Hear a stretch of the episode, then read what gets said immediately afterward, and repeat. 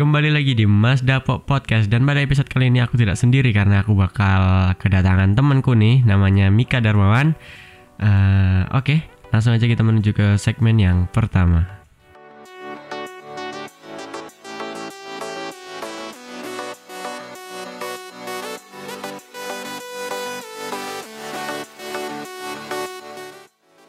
Halo Mika, selamat pagi. Apa kabarnya?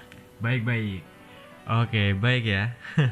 Dan pada episode kali ini uh, aku gak bakal bahas bola dulu karena ini adalah sisi lain dari Mas Dapo Podcast yaitu mungkin akan ngobrol-ngobrol santai nih tentang apa yang uh, sering dilakuin Mika nih.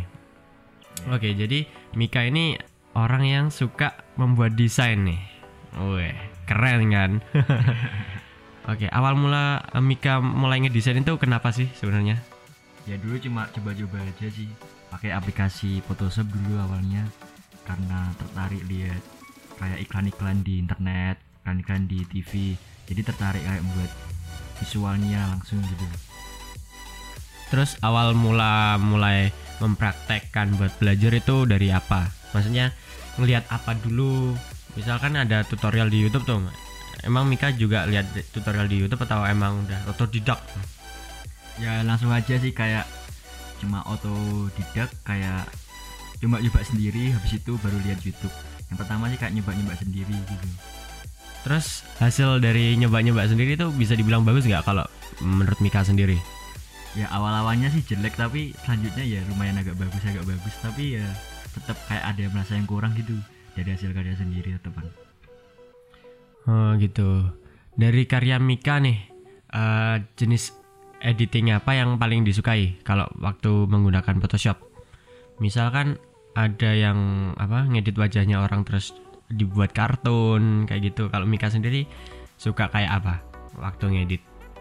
Ya mungkin cuma kayak tipografi sama fotografi sih. Ya soalnya aku kan nggak nggak suka kayak gambar-gambar vektor kartun tuh emang nggak suka sukanya cuma ngedit tentang kayak gambar orang kayak fotonya lebih dibagusin atau nambahin kayak teks gitu aja. Oke.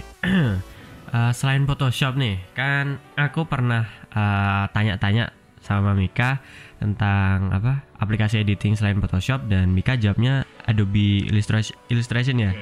Dan di Illustration nih eh, kelebihannya apa sih da- dari di- daripada Photoshop?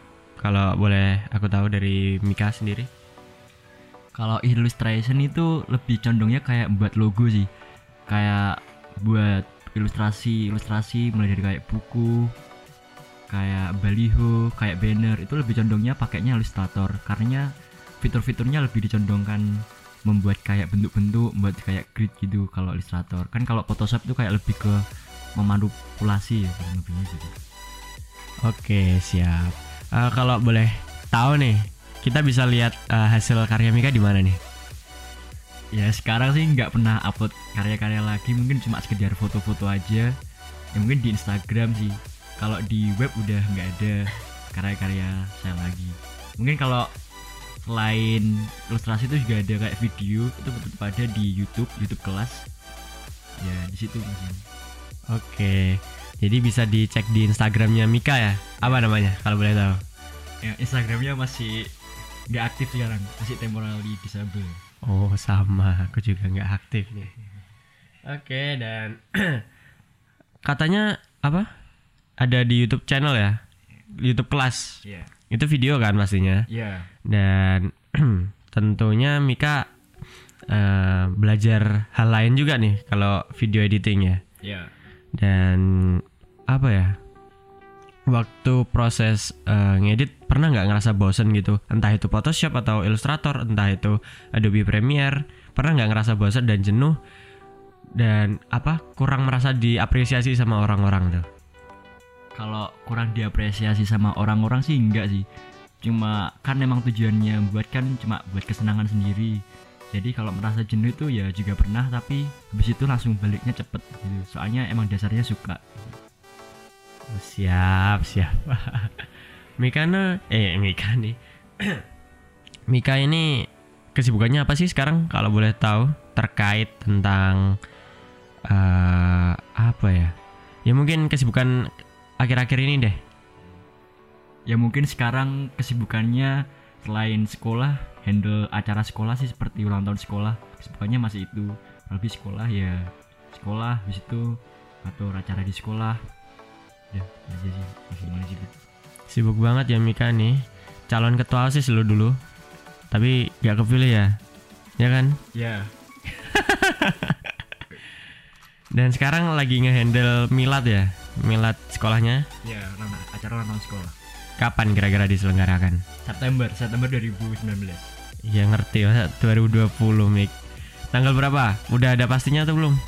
sudah tapi eh, sampai saat ini belum dipublikasikan sih tanggalnya pastinya Oh jadi gitu. coming soon Oh masih coming soon teman-teman. Jadi tunggu aja acara yang tentunya pasti bakal spektakuler ya. Seperti setiap tahunnya ke belakang. siap siap Oke, mengenai desain lagi nih. Ada nggak eh, desain Mika yang pernah dipakai di sebuah acara? Mungkin acara-acara lokalan gitu, acara-acara sekolah, mungkin pernah gitu, atau juara desain gitu bisa disebutkan? kalau juara desain sih nggak pernah paling kok sih kayak di acara-acara lokal kayak acara-acara sekolah gitu acara-acara intern cuma kalau desain yang pernah dapat juara itu mungkin desain web itu pernah dapat juara di kota juara satu pada waktu itu masih kelas SMP sih mungkin kalau desain secara umum kayak pakai Illustrator gitu gitu gitu belum pernah Wih, keren banget nih eh, desain eh, apa web ya, desain Ya, web, di kota nih. ya di Waktu SMP. ya waktu SMP Gila. Dan emang baru mulai desain kan SMP ya? ya ba- baru SMP Oh, Oke oke. Dan katanya Mika juga pernah juara video ya, video competition ya. Yang itu di sekolah oh iya kalau di sekolah tuh pernah it- it- juara jingle. juara tiga kalau nggak salah di Natsmada 58 Oh siap. Itu editornya Mika nih. ya sama ngedirect juga sih Oh siap. Dan kalau aku boleh apa? Boleh bilang ed, apa hasilnya emang bagus sih. Emang konsepnya tertata rapi dan sayangnya nih, eh, menurutku ada yang kurang. ya kayak editingnya sih Eng- Enggak, editingnya apa ya? Kalau menurutku ba- udah bagus, udah rapi. Cuman hasil audionya nih yang apa ya? Kan itu suara Mika sendiri ya pastinya, ya kan? soalnya lo budget sih banyak rekamannya Ya nggak apa-apa karena yang penting kan juara akhirnya. Oke. Dan eh, mungkin segmen kali ini eh, akan berakhir di sini. Tetap stay tune teman-teman.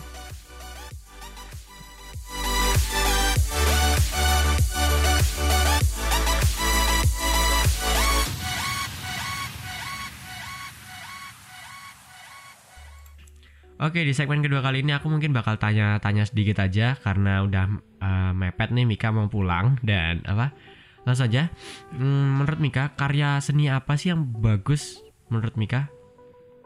Ya kalau karya itu emang nggak ada kriteria khususnya bagusnya kayak gimana sih itu tergantung kayak pandangan orang nilainya. Jadi kayak nggak ada standar ukurannya menurut saya gitu sih. Jadi nggak ada kriteria yang bagus itu bagaimana saya gitu. Soalnya eh, pemikiran orang tuh berbeda-beda. Jadi begitu. Oke dan eh, Mika menurut Mika nih eh, ada nggak sih dampak negatif dari orang-orang ini orang-orang awam atau orang-orang yang udah ahli eh, bisa main di Photoshop itu bisa menghasilkan dampak negatif? Kalau boleh tahu. Ya itu bisa kayak hoax itu kan berawal dari kayak bisa buat kan Photoshop itu bisa bisa buat kayak memanipulasi gambar. Lah itu bisa menjadi kayak bahan hoax sih. Jadi ya itu bisa menimbulkan dampak negatif kalau dimanfaatkan tidak sebaik mungkin. Jadi begitu. Oke, jadi eh, semuanya itu pasti ada dampak negatifnya ya, teman-teman dan ya semua itu pasti ada dampak negatifnya tergantung bagaimana cara kita kayak memfa- memanfaatkannya oke dan jawabannya udah kayak calon ketua OSIS beneran emang. Tapi sayangnya nggak kepilih. ya banyak kepilih sedikit suaranya Ya sedikit suaranya padahal Mika ganteng loh. Oh nomor dua. ya Iya nggak apa-apa. Dari berapa sih? dari tiga Oh siap. Gak apa gak apa. Yang penting Yang jadi pemimpin sebenarnya. Kalau jadi pemimpin masuk surganya terakhir. nggak paham Sebenarnya apa sih cita-cita Mika yang udah didami-damin nih? Kan kalau kita lihat dari uh, si apa? dari skill yang Mika miliki kan ada di jiwa desain nih. Mungkin ada yang pengen uh, Mika raih cita-citanya nanti jadi apa. Kan sekarang kesibukannya udah kayak ngatur-ngatur orang nih. Keren nih. Oke, bisa dijelasin nih. ya jadi presiden Siap. Jujur dong. iya iya jujur deh Mika pengen jadi presiden. Oke, ya nggak apa-apa. Kenapa pengen jadi presiden? karena ingin bermanfaat bagi nusa dan bangsa Oke. Cita-cita yang sungguh mulia jadi presiden ya. Dan kan nggak mungkin tuh tiba-tiba jadi presiden. Pasti ada uh, sebelum jadi presiden kan mungkin ada kerjaan dulu yang lain. Kira-kira apa tuh yang bisa membuat Mika nanti bisa mencalonkan jadi presiden? jadi pengusaha asik sih kayaknya jadi sebelum jadi presiden bisa jadi kayak pengusaha gitu Pengusaha apa nih kira-kira? Itu kalau jadi pengusaha itu belum kepikiran. Mungkin ya tentang kayak pengusaha kan banyak. Ya paling di jasa kreatif di kreatif sih bisa jadi pengusaha kreatif. Oke, untuk saat ini Mika udah punya tim kreatif sendiri apa belum sih? Kalau boleh dapat tahu.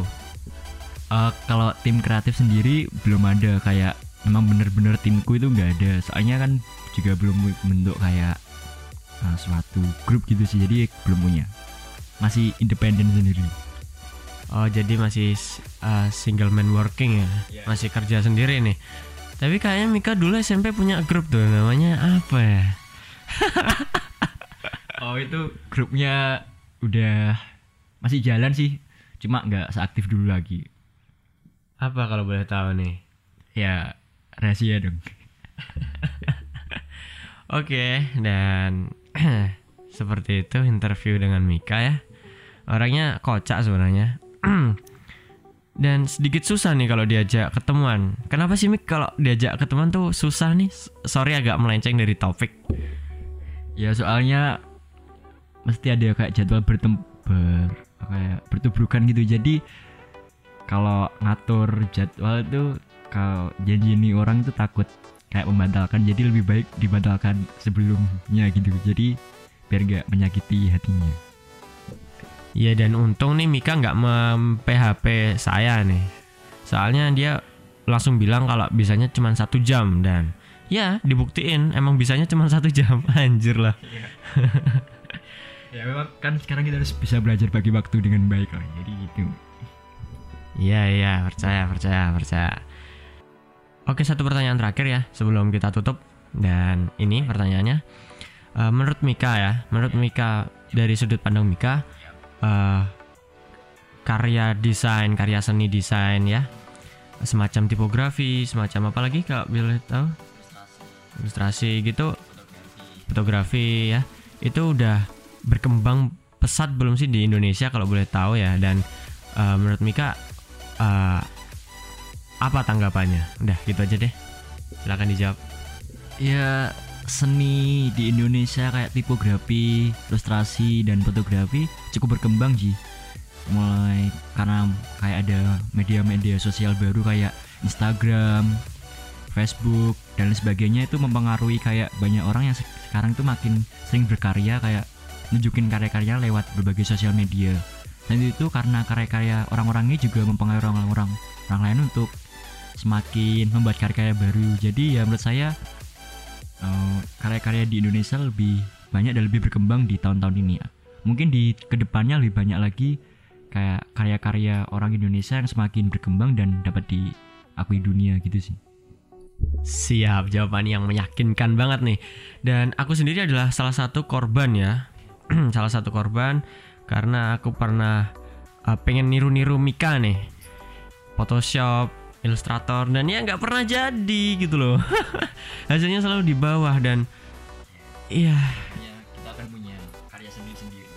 Iya benar banget. Kita punya karyanya sendiri, kita punya bakatnya sendiri dan maka dari itu setelah frustasi dengan Photoshop, aku mulai belajar editing video ya. Dan itu pun sarannya juga dari Mika dulu eh, dikasih tahu Corel Studio karena laptopku juga waktu itu masih jelek dan sekarang udah pakai Premiere. Ya emang semuanya butuh berkembang kan ya. Ya, makanya kita harus selalu berkembang dan tetap konsisten akan apa yang kita bisa sekarang supaya tetap eksis. Jadi konsi konsen oh Konsisten. konsisten menghasilkan eksistensi. Siap. Oke, Mega. Dan mungkin di sini aja ya Meg ya obrolan kita dan sampai bertemu di segmen berikutnya. Mungkin udah mau penutupan nih. Thank you Mika.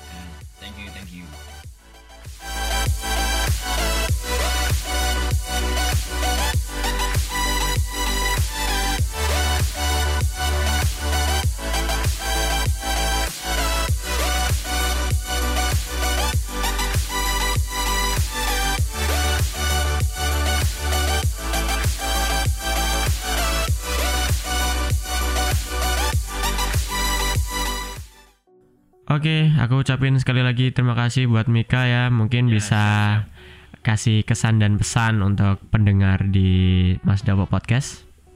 Ya, bagi yang suka dengerin ini podcast ya tetap terus kembangin minat dan bakatnya. Tetap semangat dan tetap stay dengerin dengerin ini po- podcast. Itu aja sih. Oke, terima kasih lagi dan tetap stay tune di Mas Dawo Podcast. Sampai jumpa dan terima kasih.